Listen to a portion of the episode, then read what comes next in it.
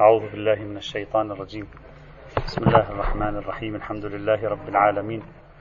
صلى الله على سيدنا ونبينا وحبيبنا محمد وعلى آله الطيبين الطاهرين.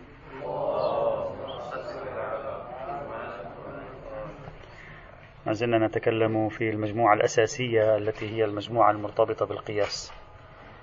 وصلنا إلى الرواية العاشرة خبر جعفر بن محمد بن عمارة عن أبيه. عن جعفر بن محمد عليه السلام أنه قال إن الخضر كان نبيا أو الخضر كان نبيا مرسلا. تعرفون أن قصة موسى والخضر في القرآن الكريم واحدة من الأدلة التي استدل بها نقاد القياس ونقاد إعمال الرأي والذين دافعوا عن التسليم للنص. يعني هذه كانت من الأدلة التي طرحت إلى يومنا هذا واحدة من الأدلة القرآنية على إبطال منهج أهل الرأي والقياس وتحكيم العقول في الدين هي قصة موسى والخضر. لأن الشيء موسى وهو موسى موسى وهو موسى حكم على ظاهر الأشياء بأحكام كلها منطقية. كل ما قاله موسى منطقي تقريبا ولا ينبغي تخطئته في شيء. مع ذلك كانت الأجوبة التي قالها الخضر تعطي موضوعا آخر. ولذلك يستشهدون بقصة موسى والعبد الصالح الذي يسمونه الخضر. يستشهدون بقصة موسى والعبد الصالح على بطلان هذا المنهج الذي أنت تعمل فيه العقل في الدين. ثمة في الدين جانب اسمه التسليم وبالتالي كل هذا منهج العقل لا, ين لا لن نحصل من ورائه إلا على الخراب. طبعا في الطرف الآخر الحداثويون والمدارس الفكرية الحديثة تعتبر هذا أكبر دليل على أن الدين تجهيلي. تجهيلي لا يسمح للعقل أن يتحرك تسمع وتنفذ. ولذلك ينتج أشخاصا مؤجر عقولهم مستقيلة عقولهم لا, لا يستطيعون أن يفكروا. خلاص هكذا. حتى لو كان هو مقتنع بعكسه فقط يمشي. فهذا هو هذا هو قطيع الغنم كما يقولون هم. فسبحان الله بين من يمتدح هذه الصورة وبين من يذم نفس الصورة. هذه الرواية تتكلم عن قصة موسى والخضر؟ وأيضا هذه الرواية توظف موضوع موسى والخضر في نقد القياس والقائسين. فيتكلم عن موسى وكأنما الآية يعني يبدو لي كأنما الرواية تشرح الآيات القرآنية كأنما درس تفسير يعني أشبه بدرس تفسير. فتتكلم عن القصة تبدأ من أولها وفي داخل القصة تأتي الآيات القرآنية يعني بالضمن تأتي الآيات القرآنية. فيقول إن الخضر كان نبيا مرسلا إلى أن قال تقول الرواية قال موسى هل أتبعك على أن تعلمني مما علمت رشدا؟ قال له الخضر إنك لن تستطيع معي صبرا. لأني وكلت بعلم لا تطيقه. أنا موكل بعلم أنت لا تقدر عليه. ووكلت أنت بعلم لا أطيقه. طبعا هذه شخصية العبد الصالح أو ما يسمى بالخضر شخصية موجودة في جميع الأديان تقريبا ولها حضور كبير جدا في التصوف والعرفان ولها تراث هائل يعني. كتبت كتب مستقلة أصلا عن شخصية الخضر والعبد الصالح. جمعت دراسات متنوعة في هذه الفكرة في الأدب في التصوف في العرفان في الفلسفة في الحديث في القرآن. كتب متعددة في هذا المجال. لذلك يقولون هو ما زال حيا أيضا. هكذا عقيدة كثيرين أنه شرب من ماء الحياة فما يزال حيا إلى يومنا هذا. قال لأني وكلت بعلم لا تطيقه ووكلت أنت بعلم لا أطيقه. عادة ما تفسر هذه الجملة أو مثل هذه الجملة أن العلوم التي اعتمدها موسى هي العلوم الظاهرية والعلوم التي كانت عند العبد الصالح هي علوم الباطن. قال موسى له بل أستطيع معك صبرا. فقال له الخضر. الآن الخضر يقول له إن القياس لا مجال له في علم الله وأمره. الخضر يقول له القياس لا مجال له في علم الله. ما فيك تستعمل القياس في علم الله؟ وفي أمر الله سبحانه وتعالى. قبل أن نبدأ بعد بعد لم يبدأوا بالرحلة. الآن الخضر يقول له لن تستطيع صبرا. أنت عقلك مركب على القياس والقياس هذا لا مجال له في علم الله تبارك وتعالى. لذلك لن تتوفق معي. وفعلا هكذا صار. نهاية القصة كان ذاك فراق بيني وبينك. يعني هذا الذي تريد القصة أن, أن تكلمه.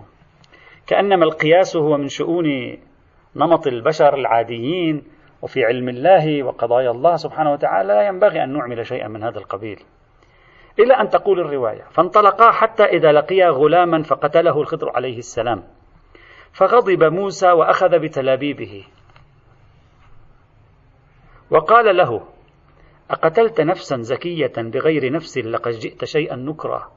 فقال قال له الخضر إن العقول على الخضر يقول إن العقول لا تحكم على أمر الله تعالى ذكره. لا تستطيع أنت خلاص مدام أنا أعمل عن أمر ربي فأنت لا يمكنك بعقلك أن تحكم ماذا أفعل. يجب عليك أن تسلم وتصمت. الأديان عادة في الفلسفة الحديثة يقولون الأديان عادة تعتمد على الجانب المجهول من من العقل. يعني هي تراهن على الشيء الذي لا تعرفه أنت. تحاربك بالشيء الذي لا تعرفه. هي هكذا طريقتها. يعني هناك يعني تريد كأنها تريد أن تقول لك ثمة أشياء كثيرة لا تعرفها فلا ينبغي عليك أن تحكم. لا تقول لك هي دائما ما هي الأشياء هذه لكن عادة أحد أوجه محاربة الأديان للعقلانية إذا صح التعبير بالتصميات الحديثة أنها تركز على أن العقل أضعف من أن يحكم في الأشياء. هكذا عادة.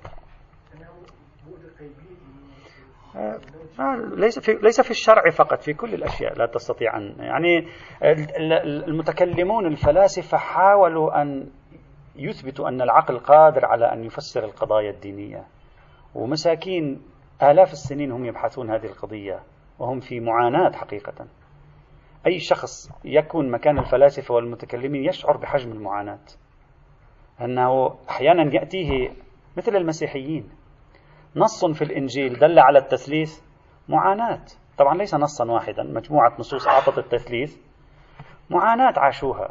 إلى أن مثلا توماس أكويناس توما الأكويني يقول هناك أشياء يدركها العقل هناك أشياء لا يدركها العقل. من الأشياء التي لا يدركها العقل التثليث والتجسد والكفارة والفداء وما شابه ذلك. خلاص هذه لا ينبغي أن نبحث فيها. لأنه رغم كل يعني عقل عقل توما الأكوين العملاق الذي يتجلى في كتابه الخلاصة اللاهوتية لم يجد حلا. ما ما عثر على حل. فلذلك يميلون إلى اعتبارها من الأسرار. فهو يريد أن يقول له العقل لا يقدر. لا يكون عندك غرور بعقلك. بحث تماما في النقطة المقابلة للتنوير. عصر التنوير في الغرب. الذي ينطلق من فكرة العقل قادر فليكن عندك جرأة المعرفة. هذه الفكرة المركزية في الحضارة الغربية الحديثة في مقابل فكرة موجودة في الأدبيات الدينية. لا العقل عليه أن يتواضع. طبعا وإن كان الفلسفة الغربية وصلت اليوم إلى دعوة لتواضع العقل أيضا. على حال فيقول له الخضر إن العقول لا تحكم على أمر الله تعالى ذكره بل أمر الله يحكم عليها. فسلم لما ترى مني واصبر عليه. عليك أن تسلم. إلى أن يقول ثم قال جعفر بن محمد انتهت الآن الإمام الصادق كان يشرح الحوار الذي جرى بين موسى والخضر الآن انتهى. الآن هو يعلق بعد الحوار يقول إن أمر الله تعالى ذكره لا يحمل على المقاييس ومن حمل أمر الله على المقاييس هلك وأهلك. إن أول معصية ظهرت الأنانية. طبعا هذه الرواية تتكرر فيها كلمة الأنانية. تعتبر أن جوهر الأزمة مع الدين هو أن الإنسان يرى نفسه. أنت مع الدين يجب أن لا ترى نفسك. جوهر الأزمة مع الدين أن الإنسان يرى نفسه. إبليس رأى نفسه. رأى نفسه خلاص الأنانية حجبته عن إمكان التسليم لأنه بدأ هو يناقش ويفكر إلى آخره.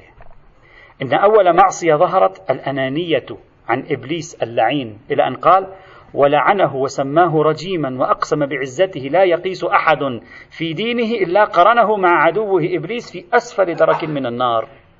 في أسفل درك من النار. هذه الرواية التي ينقلها لنا الشيخ الصدوق في كتاب العلل وهي رواية طويلة أنا فقط أخذت المقاطع التي آه لذلك الشيخ الصدوق يعلق على هذه الرواية بتعليق معروف.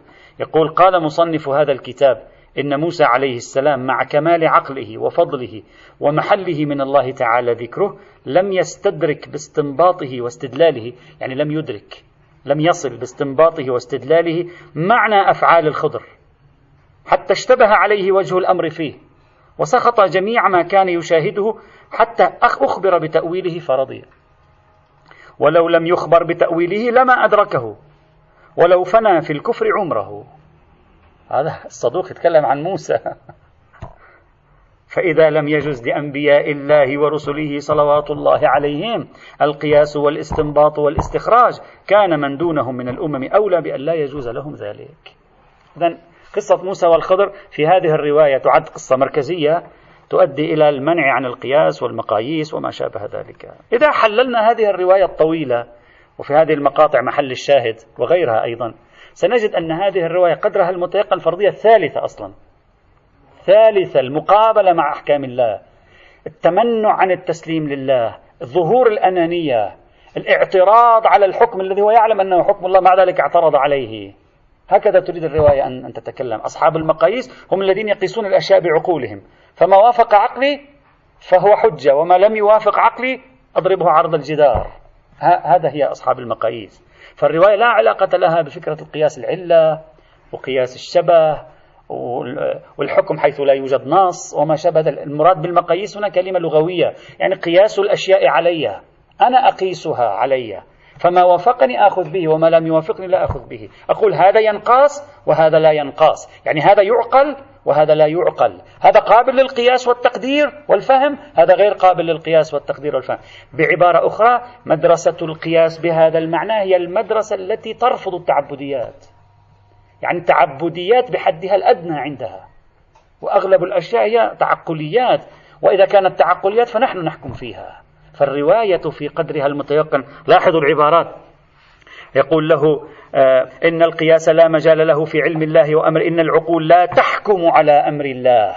ليس لها الحكم على أمر الله. ليس هي التي تتسلط في أمر الله بل أمر الله يحكم عليها.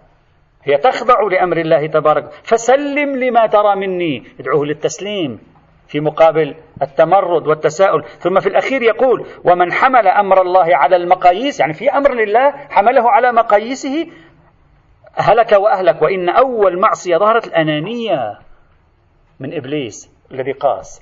فإذا الرواية كل فضاء هذه الرواية هو عبارة عن فضاء الفرضية الثالثة من فرضيات القياس التي تعني تحكيم العقل فيما وصلني من الدين فما قبله عقلي فأهلا وسهلا به وما لم يقبله فأطرحه جانبا. طبعا هذه الروايات صحيح بعضها سياقه شرعي يعني في مجال الفقه لكن بعضها حتى غير شرعي. يعني بعضها ليس فيه بحث آه، شرعي ربما حتى يشمل جهود المتكلمين. وبعض الروايات الموجودة عن أهل البيت التي انتقدت المتكلمين أشارت إلى هذه النقطة متكلمي ذلك العصور أنهم كل الأشياء عادة عقولهم هي المرجع وكأنها تريد منهم لا لا تجعلوا عقولكم المرجع التسليم لنا هو المرجع. طبعا هي مدرستين بعيدتين عن بعضهما. هلا أين نحن اليوم؟ لا ندري. نحن أين؟ في المكان الصحيح في المكان الخطأ. بحث آخر.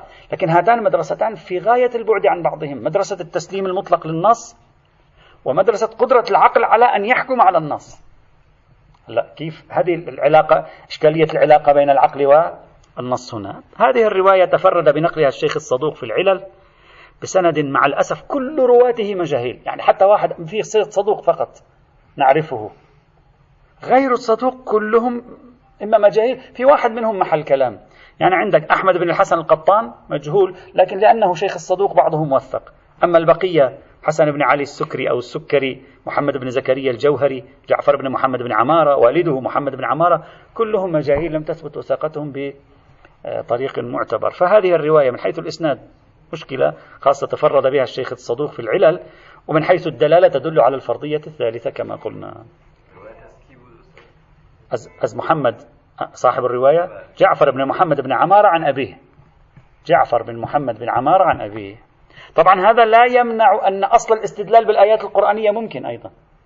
يعني حتى لو الرواية ضعيفة ممكن شخص يذهب مباشرة للآية القرآنية ويقول أنا أفهم من قصة موسى والخضر أنها تريد أن تبطل آه، إعمال القياس بالفرضية الثالثة ولا بأس بذلك. الرواية الحادية عشرة خبر محمد بن مسلم.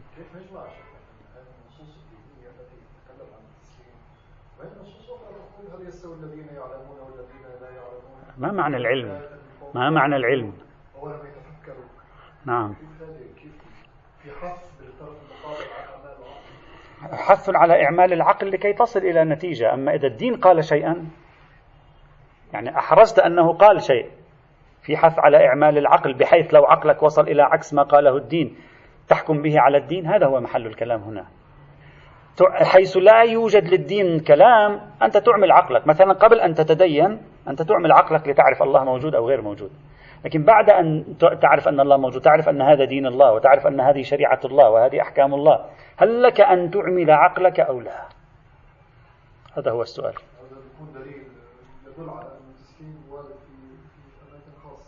نعم. وارد حيث يوجد الحكم حيث يوجد الدين. حيث للدين كلمة وأنت المفترض مؤمن بالدين. يعني بعد فرض التسليم بأنك مؤمن به فيجب أن تسلم له. ليس لك أن تعترض عليه. الرواية الحادية عشرة. خبر محمد بن مسلم قال كنت عند أبي عبد الله عليه السلام بمنى إذ أقبل أبو حنيفة على حمار له. هذا يعني ها أبو حنيفة جاء على على حماره. فاستأذن على أبي عبد الله عليه السلام فأذن له. فلما جلس قال لأبي عبد الله إني أريد أن أقايسك. إني أريد أن يعني مثل مباراة أريد أن أعرف من من أقوى في القياس. قلنا بالأمس القياس فحولة القائس أين؟ عندما يكتشف أقرب الأشياء إلى الحكم. أشبه شيء. فأنت تعطي تشبيه أو يعطيك تشبيه أقرب. أنت تعطي قياس على شيء يقول لك لا هذا قياسه على هذا أقرب من قياسي على هذا. فهو يريد أن يقايسه لكي يعرف من هو يعني كيف جودة القياس عند الإمام الصادق وجودة القياس مثلا عند أبي حنيفة؟ فقال أريد أن أقايسك. أبو حنيفة يقول نعم جاء وقال أريد أن أقايسك. هلا متى حصلت هذه؟ لا ندري. هل حصلت قبل تلك الأحداث؟ لأن صار عندنا عدة قصص مع أبو حنيفة صحيح؟ يعني لو يعني ما معقول أبو حنيفة يجي يدخل على الإمام يقول له أريد أن أقيسك وهو كان قد سمع منه من قبل النهي عن القياس ورفض القياس. حتما ربما هذه جاءت قبل تلك ربما لعله. إني أريد أن أقايسك.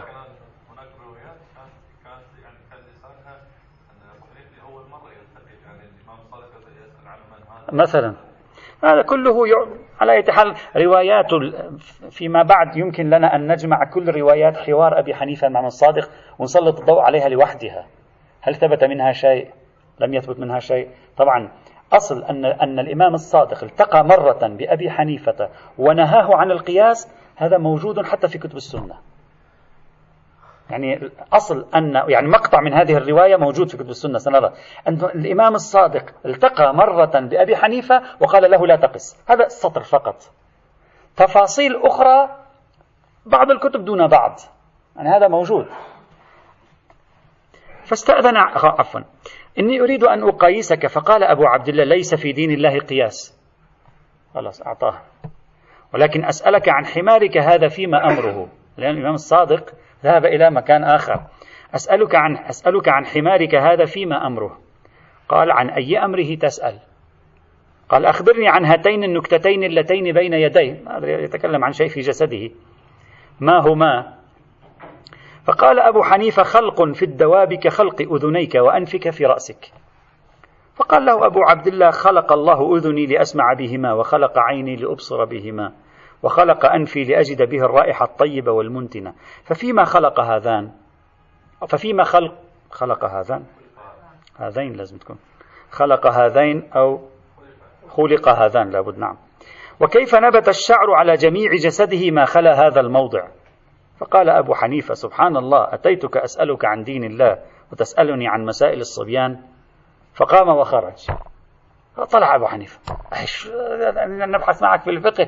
تسألني عن الحمار شو قصة الحمار؟ ها.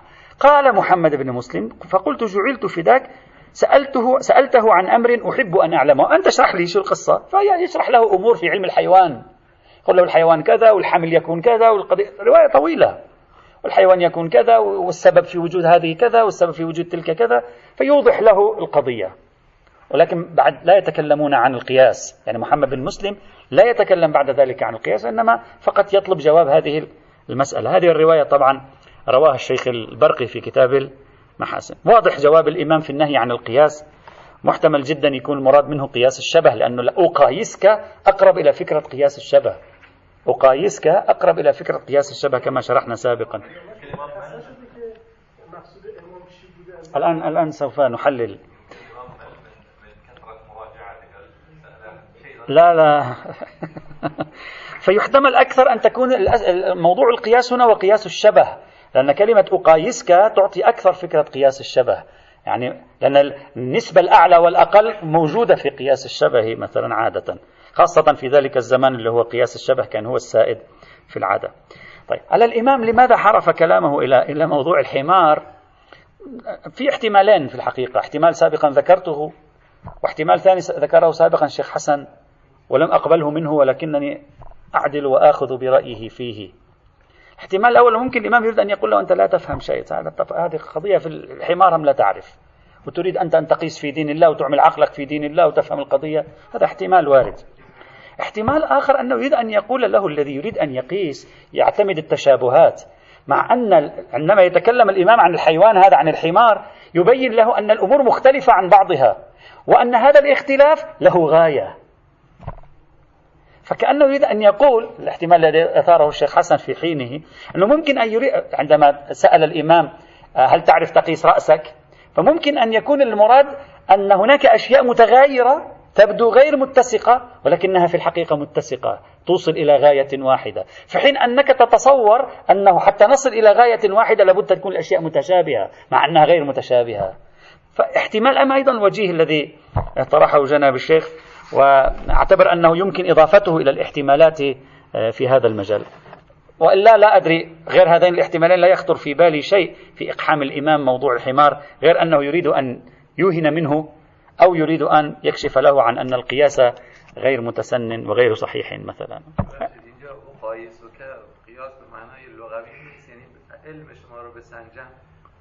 لا أقايسك المقايسة يعني أنت تقيس وأنا أقيس. هكذا.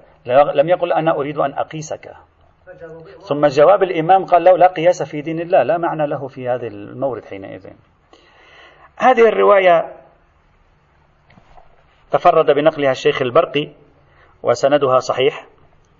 طبعا بصرف النظر عن كتاب المحاسن. سندها صحيح فقط فيها محمد بن خالد البرقي الذي يعني فيه كلام كما قلنا لكن الكثير من العلماء يوثقون محمد بن خالد البرقي فتكون الرواية من هذه الناحية صحيحة بناء على توثيق محمد بن خالد البرقي. طبعا الرواية تتضمن معلومات علمية هذا يحتاج إلى واحد يراجعها حتى يقوم المتن. هل هذه المعلومات العلمية التي تتكلم عنها الرواية صحيحة؟ نتكلم عن بطن الحيوان وداخل الحيوان وجوف الحيوان. فممكن ممكن أن أن نحاكمها علميا باعتبارها ليست من العلوم النظرية التحليلية المبنية على الحدس وإنما يمكن بالتشريح اليوم أن تكون مثلا صحيحة أو غير صحيحة. لا نخوض فيها وتحتاج إلى خبراء يرجعون في هذه القضايا. فالرواية من حيث الإسناد كما قلنا ضعيفة ولكن على مبان أخرى صحيحة من حيث الدلالة قريبة جدا من فكرة قياس الشبه. الرواية الثانية عشرة خبر أبي مالك الأحمسي. هذه رواية مهمة. قال كان رجل من الشراة. الشراة يعني الخوارج. الخوارج يطلق عليهم الشراة. طبعا الشراة ليست كلمة فحش أو ذمة. هم يفتخرون بأنهم الشراة أصلا. هذا من هم افتخار أن يطلقوا على أنفسهم الشراة. الشراة يعني الذين باعوا أنفسهم لله. باعوا أنفسهم بالجنة. نسبة للآية القرآنية الكريمة يعني الذي شرى باع نفسه بالجنة فهم الشراة وكانوا عادة يطلقون على غيرهم أنهم ذوي الجعائل. يقول غيرنا يحارب للجعل. الجعل يعني المكسب المالي الذي تعطيه الدولة أو للمقاتلين. أما نحن نحارب لله فنحن شراط يعني بعنا أنفسنا وغيرنا اشترى الجعل وأخذ الجعل أخذ الأموال.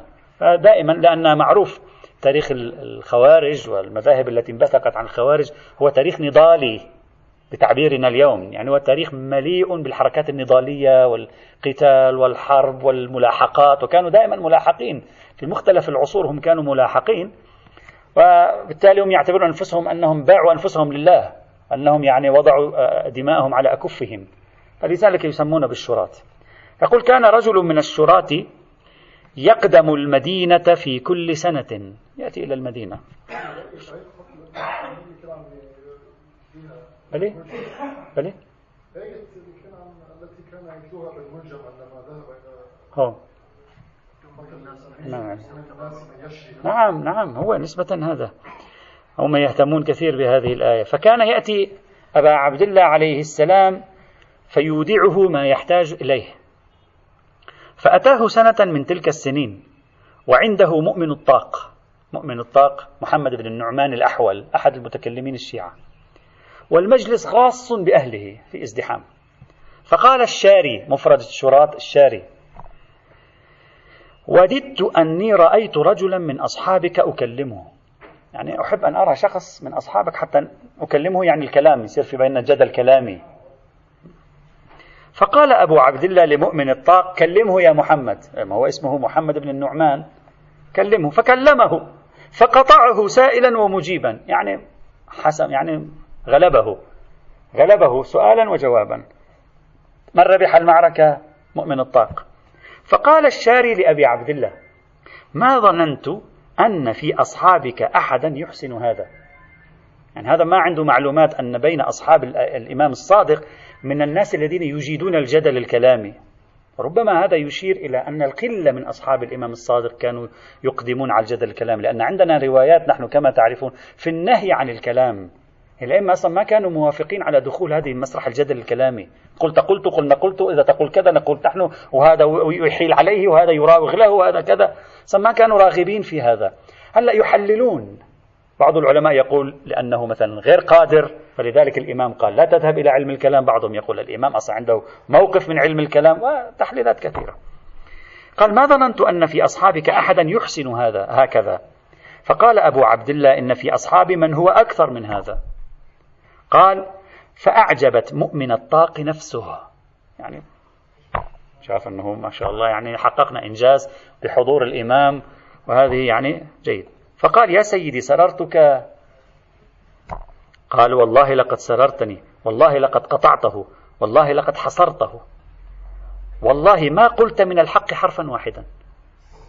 يمتدحه ولكن يقول ما قلت من الحق حرفا واحدا. يعني يجمع بين مدحه وبين شيء من الذنب. الآن هذه كيف قصتها؟ الآن يشرح. قال وكيف؟ هذا انصدم المسكين. قال أنا إذا كان وفقت كل هذا التوفيق كيف يعني أنا ما قلت حرف واحد من الحق قال لأنك تكلم على القياس يعني أنت تتكلم على معيار القياس والقياس ليس من ديني يعني منهجك في الجدل الكلامي هو معيار قياسي وهذا ليس من ديني فأنت صحيح غلبته ما شاء الله عليك ممتاز لكن هذا المنهج ليس من ديني فليس كل منهج يؤدي إلى غلبة سائر الفرق الإسلامية فبالضرورة يكون صحيحا ونحكم على والله فلان يناقش الفرق الإسلامية وقد غلبهم إذا فهو لابد أن نصفق له. لا قد يكون جيد فعل شيئا لكن منهجه خاطئ. آه. لكن المنهج خاطئ مثلا. هلا كيف المنهج خاطئ؟ يقول لأنك تكلم على القياس. يعني تتكلم على معيار القياس على مسلك القياس. واضح الرواية. طبعا المؤمن الطاق متوفي في النصف الثاني من القرن الثاني الهجري يعني بين 160 180 190 هجري.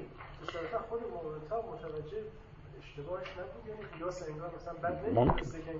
لا لا ربما ربما يكون مؤمن الطاق مستخدما هذه الوسيلة ظانا أنه يكفي في محاججه المذاهب الأخرى أي وسيلة.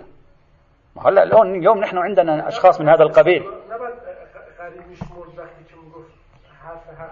لا حرف حق لم تقل شيئا حقا. استغرب هو آه، ما هي جهة غير الحق التي قلت في النهاية؟ أنا أدافع عن الحق.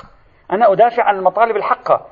لم يعرف أين هي الجهة التي أنا أخطأت فيها. لفت له الإمام النظر إلى أنك أخطأت في أنك كما بعد قليل سنرى عبارة أشد من هذه مع مؤمن الطاق. الإمام سيقولها في رواية أخرى. نعم مؤمن الطاق أيضا. يتكلم عبارة أشد منها ترتبط أيضا بالقياس. سنربطها بهذه الرواية. سنربطها بهذه الرواية. على أي حال الآن نريد أن نعرف ما هو المراد بالقياس هنا. يعني لأنك تكلم على القياس. الآن شخص يتحاور مع واحد من مذهب آخر. كيف يا أخي نفهم قضية القياس هنا؟ ماذا يقصد الإمام من أنك تكلم على القياس؟ يخطر في البال ثلاثة احتمالات. نطرحها كاحتمالاتها لنرى ما الذي يمكن أن يترجح منها. الاحتمال الأول. أن يكون المراد بالقياس يعني القياس الشرعي. يعني أنت تقوم بإجراء القياس الشرعي عندما تحتاج على الطرف الآخر. وممكن يكون قياس الشبه. باعتبار تلك الفترة كان رائج قياس الشبه ممكن يكون هذا هو القياس الذي احتمله. خاصة نحن لا نعرف مضمون الحوار. مع الأسف الراوي روى كل شيء إلا إلا مضمون الحوار. ما رواه لنا. يعني كان ممتاز أن يروي لنا الراوي مضمون الحوار لكن مع الأسف لسبب أو لآخر الراوي لم يسلط الضوء على مضمون الحوار لنعرف ماذا قصد الإمام من كلمة القياس. يعني لو شرح لنا مضمون الحوار لكان أمر جيد. كنا فهمنا أين هي حيثية القياس في في جدل مؤمن الطاق. لكن لم ينقل لنا الراوي على أي حال بلي الشاري. هذا الخارجي. نعم المؤمن الطاق في الحوار والطرف الثاني الشاري كان. وقد غلبه مؤمن الطاق. يعني الحوار بين شيعي وخارجي. نعم عندهم علم الكلام هم أصلا بعضهم قال ولد علم الكلام من من عصر الخوارج. هم أول من أسس علم أسس علم الكلام بناء على فكرة آه، مرتكب الكبيرة. نعم نعم عقلي. الخوارج كان عندهم هذه النزعة. نعم كان عندهم هذه النزعة. هذا الاحتمال الأول. هلأ لو كان لو كان مضمون الحوار شرعي كنا قلنا هذا واضح أنه مرتبط بالقياس الشرعي. لكن مضمون الحوار لا نعرفه. نقول يحتمل أنه مرتبط بالقياس الشرعي. يكون الرجل يعني مؤمن الطاق أجرى القياس الشرعي. هلا ممكن أجراه. طيب شو المبرر؟ ممكن أجراه في الدفاع عن علي عليه السلام. ممكن يكون موضوع الإمام علي دخل في الحوار متوقع باعتبار الخوارج نقطة الخلاف المركزية هي موضوع الإمام علي. فممكن قال له لماذا فعل الإمام علي ذلك؟ فيكون قد وجه فعل الإمام علي بإجراء قياس. هذا محتمل. يعني أفحمه لكن بإجراء قياس. مثلا قال لو فعل علي هذا حقيقي صحيح فإنه الشريعة تقول كذا وكذا. فأجرى القياس. هذا محتمل. ليس عندي دليل لكن نقول هذا محتمل. إذن أول احتمال أن يكون قياس مؤمن الطاق هنا هو قياس شرعي. لا أقل قياس الشبه. هذا احتمال. الاحتمال الثاني. أن يكون مؤمن الطاق والآن مؤمن الطاق شخصية كلامية احتج على الشاري بأمور عبر إجراء مقايسات بين الأشياء لا القياس المنطقي. يعني مثلا قال له أنت تقول لي ما فعله علي باطل؟ إذا لاحظ ما فعله فلان من من من علمائكم مثلا. قاس هذا بهذا. فيعني قالوا إذا كان هذا باطل فهذا باطل لابد أن يكون. أجرى قياس يعني قال هذا مثل هذا. فلما هذا لم يكن باطل إذا هذا ليس بباطل. ليست القضية قضية قياس شرعي ولكنه في إطار الجدل الكلامي المتكلمون يستخدمون هذه الطريقة. يعني يقيس شيئا على شيء لكي يفحمه شيء عندك أقيسه على شيء عندي فحيث أنك لا تستطيع التنازل عما عندك فإذا عليك أن تلتزم به صحت ما عندي. فممكن أن يكون المراد بكلمة القياس هنا ليس موضوع القياس هذه الشرعي لا الآن سنقول الآن سنقول. فإذا محتمل يكون هذا هو القياس الذي كان يستخدمه الرجل. الإمام هنا آه، ناقش قال لمؤمن الطاق قال طريقتك هذه غير صحيحة. لا يصح أن تجري مقارنة ومقاربة بين شيء حق وبين شيء باطل لكي تفحم الطرف الآخر. لا يصح لك أن تجري هذه المقارنة. يعني وكأنه يريد أن يقول له بعض أشكال الجدل مرفوض. عندما تضع مثلا الحق بموازاة الباطل ولو كنت في سياق الدفاع عن الحق. ربما يكون هذا موجود هذا الجو. هذا احتمال آخر. احتمال الثالث أن يراد بالقياس عنوان يشار به إلى نمط التفكير اليوناني. الآن أنت ستستغرب هذه الاحتمال الآن خاصة في هذا الزمن. يعني يقول أنت تعاملت كما يتعامل أولئك المتأثرون بالفلسفة اليونانية. طريقتهم في الأسلوب ومنهجهم ومزاجهم آه، فيكون هذا إشارة إلى آه، رفض الفلسفة اليونانية رفض طرائق الذين كانوا يتكلمون على أسلوب الفلسفة اليونانية التي كان يرمز إليها بالقياس. هذا الكلام متى يصبح هذا الاحتمال صحيح؟ إذا أثبتنا أن عصر الترجمة بدأ مبكرا في نزاع في بداية عصر الترجمة آه، نزاعات في بداية عصر الترجمة. ثمة من يعتبر أن الترجمة بدأت من عصر المأمون العباسي فما بعد. يعني بعضهم يعتبر أكثر من ذلك مثل الدكتور محمد عابد الجابري في رأيه المعروف في مباحثه في نقد العقل العربي. يعتبر أن الترجمة ظهرت في العصر العباسي التالي بعد المأمون وكان الهدف من الترجمة أن تترجم الدراسات العقلية بهدف الحد من نمو المتصوفة والشيعة. المتصوفة والشيعة كانوا بأفكارهم يغزون لم يكن هناك من يقابلهم. فكانت الدولة العباسية تقوم بعملية الترجمة لكي تصنع حركة عقلانية آه، فلسفية قوية في المجتمع الإسلامي يمكنها أن تقف في مقابل كل من الشيعة ومن المتصوفة بتعبيره الغنوصية. هذا كان يطرحه. بناء على رأي محمد عابد الجابري لا معنى لهذا الاحتمال الثالث لأنه في زمن الإمام الصادق لا يوجد تصور أصلا عن فكرة اليونان والفلسفة اليونانية والتفكير اليوناني والقياس اليوناني وغيره. أما بناء على الرأي الثاني الذي يعتبر أن حركة الترجمة بدأت من بدايات القرن الثاني الهجري. هذا رأي موجود أيضا أنها بدأت مبكرة من بدايات حتى بعضهم يدعي أنها بدأت في نهايات القرن الأول الهجري. إذا ثبت شيء من ذلك يصبح هذا الاحتمال معقول. كاحتمال لا, لا دليل عندنا عليه. يصبح معقول كاحتمال لا أقل. أن تكون كلمة القياس مثلا خاصة والبحث كلامي. يعني في إطار جدل عقلاني مش في إطار بحث فقهي. يعني عادة متوقع ما بين المذاهب أن يكون الجدل عقلانيا كلاميا.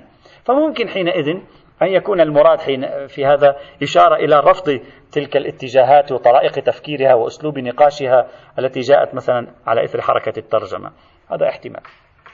توجد رواية أخرى سنرى إذا يمكن تساعدنا في ترجيح هذه الاحتمالات. وهي رواية في غاية الأهمية. صحيح هي رواية مرسلة. هي مرسلة إبراهيم بن هاشم. إبراهيم بن هاشم عمن ذكره عن يونس بن يعقوب. قال هذه رواية يعني أساسية في مجال علم الكلام. كنت عند أبي عبد الله فورد عليه رجل من أهل الشام. إجا رجل من أهل الشام. فقال إني رجل صاحب كلام وفقه وفرائض. وقد جئت لمناظرة أصحابك. إلى أن يقول قال يونس. يونس يعني يونس بن يعقوب صاحب الرواية. فيا لها من حسرة.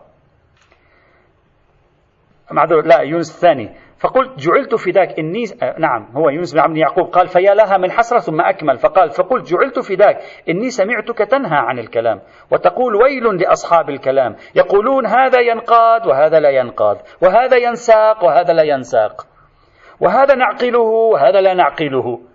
أنا سمعتك تقول هكذا أنك تشن عليهم حملة. هذا نعقله هذا غير معقول. هذا ينقاد هذا هم لا ينقاد. فقال أبو عبد الله إنما قلت فويل لهم إن تركوا ما أقول وذهبوا إلى ما يريدون.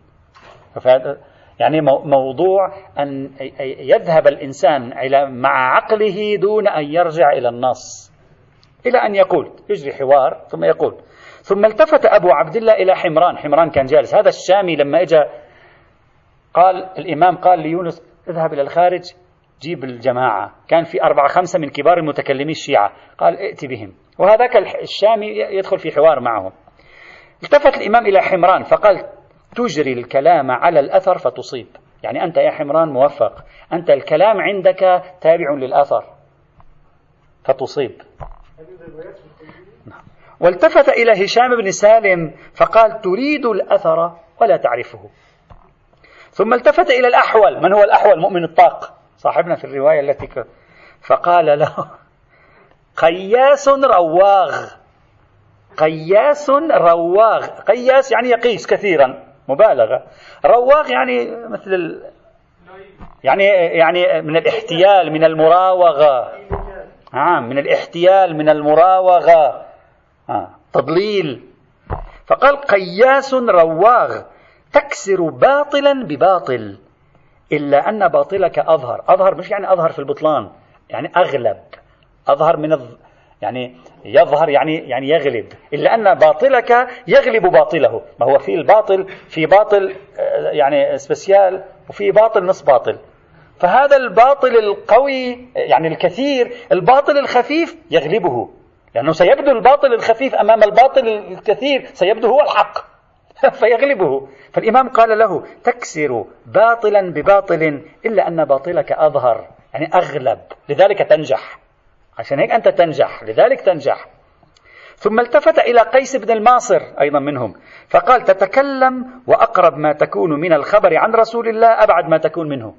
يعني تتكلم تقترب كثيرا من خبر النبي ثم تبتعد. ما توفق. شوف دائما المعيار في المتكلم الشيعي عند الإمام مدى اقترابه من النص مش المعيار مدى هو إبداعه العقلي المستقل. هذا مش معيار. لذلك المستشرقون دائما كانوا يقولون بأن أئمة أهل البيت أئمة الشيعة أئمة أهل البيت كانوا من الأشخاص المتعبدين بالنصوص والذين لم يكونوا يؤمنوا بالعقل. عكس عكس ما هو نحن نطرحه. قالوا بعدين الشيعة تأثرا بالمعتزلة صاروا عقلانيين. بعدين هذا في القرن الرابع قبل ذلك ابدا يرفضون النشاط العقلي. وهذه كل هذا برأي المستشرقين كثير منهم. أن اكذوبه أن الشيعه الشيعة تأثروا بالمعتزلة المعتزلة أثروا فيهم راح المعتزلة أخذ الشيعة دفه المعتزلة. وهذا يطرحه أيضا آدم ميتس في كتابه الحضارة الإسلامية في القرن الرابع الهجري وآخرون أيضا منهم. فيأتون بهذه النصوص يقول لك هؤلاء الأئمة يرفضون العقل. هؤلاء ما يقبلون. فقط نص. أنت تتعامل مع النص. عقل ونشاط عقلي وإلى آخره هذا كله غريب عن عنهم. فكيف أنت تقول بأنهم دافعوا عن العقلانية ودافعوا عن إلى آخره؟ هذا كلامهم. فلذلك قال له تمزج الحق مع الباطل وقليل الحق يكفي عن كثير الباطل أنت والأحول قفازان حاذقان. تقفز مكان إلى مكان. هذه الرواية.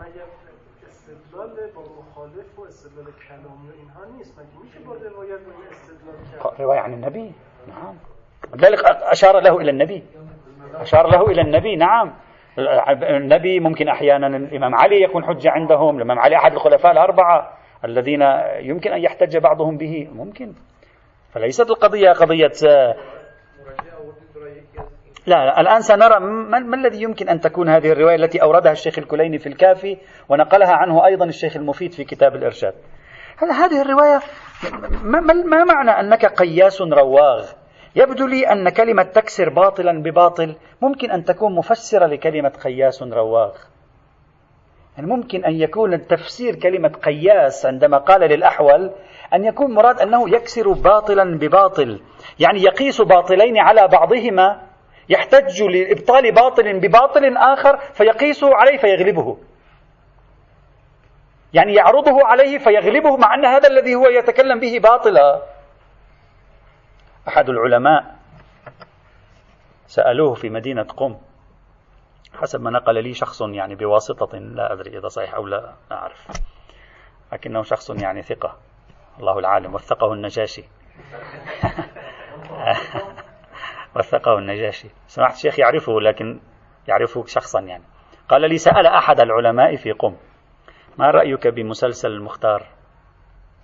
فذاك العالم قال له أغلب ما فيه ذاك العالم هم مؤرخ أيضا فقال له أغلب ما فيه باطل هذا ليس بثابت تاريخيا كل هذا كلام لا, لا, صحة فيه ولكن لا بأس به ما دام يخدم المذهب لا بأس به.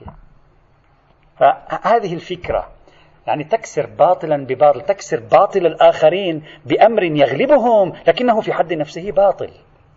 هذا اسمه كسر الباطل بالباطل. فأنت تقيس الباطلين على بعضهما فتغلب واحدا بالثاني فتكون قد أجريت القياس.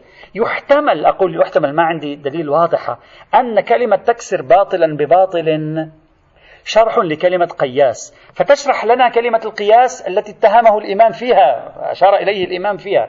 فلعل المراد حينئذ ليس شيء له علاقة بالقياس الشرعي. وإنما طريقتك في الجدل الكلامي طريقة إبطال ما يقوله الخصم بواسطة أمر هو في حد نفسه باطل لكن لأنك قفاز رواغ تغلبه. ولأن باطلك أقل بطلانا من باطل الطرف الثاني يظهر على أنه حق. هذه الطريقة في الجدل الكلامي باطلة. طبعا يصلح يصلح أن يكتب مقال في طرائق الجدل عند أهل البيت طرائق الحوار والجدل عند أهل البيت. من, من أسلوبهم هم كيف هم كانوا يناقشون كيف علموا أصحابهم النقاش. هذا يصلح بحث جميل في طرائق ومناهج الجدل والحوار عند أهل البيت وفي توجيهات أهل البيت عليه. مثلا هذه يمكن أن إذا, إذا صح أنا أطرحه كاحتمالها. إذا صح تفسيري فهذا مهم للغاية. نحن نتورط به كثيرا في الجدل الكلامي هذا من حيث لا نشعر نتورط به. نعم. كأن الإمام لا يحب صناعة الجدل القائمة على المراوغة القائمة على تقديم باطل والمراوغة فيه لإبطال باطل آخر. ولو كان ذلك الباطل أبطل من هذا الباطل أبطل من البطلان لا من البطولة.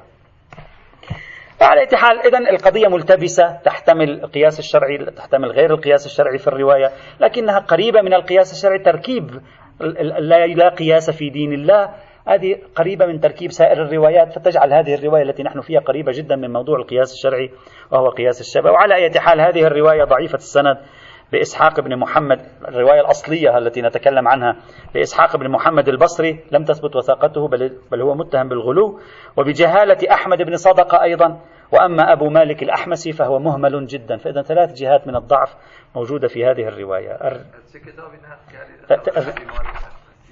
خبر أبي مالك الأحمسي في في الكشي. أصلا هو تفرد بنقله الكشي والبقية نقلوا عنه عن الكشي. قبلی ها حضرت که شما به نص ارجاع میدادید به اثر اینا نمیشه فهمید مشکلش با مؤمن طاق چی یعنی تو به نص ارجاع نمیدی مثلا قیاس سوم نیست؟ لا هو هو هو لا يريد أن يواجه النص لكنه لكنه لم يقل لاحظ قال للأح... قال لحم... لحمران وقال لقيس بن الماصر هذا. لكن لما تكلم مع مع مؤمن الطاق لم يقل له أنت ما تعتمد النص قال تكسر باطلا بباطل. يعني الجهات يعني بالمناسبة جهات الإشكال في غاية الدقة في الرواية في يعني حقيقة. الإمام وهو يلاحظ على أربع أشخاص من كبار متكلمي الشيعة الملاحظات فعلا تنم عن دقة. صرف النظر الرواية صدرت لم تصدر لكن فعلا ملاحظات دقيقة إذا تتأمل فيها. نعم إسحاق بن محمد البصري وأحمد بن صدقة وأبي مالك الأحمسي. الرواية الثالثة عشرة. تأتي إن شاء الله. صحيحة البزنطي والحمد لله رب الدرس الدرس معذرة غدا عندي التزام آه، في طهران. الدرس إلى يوم السبت. معذرة.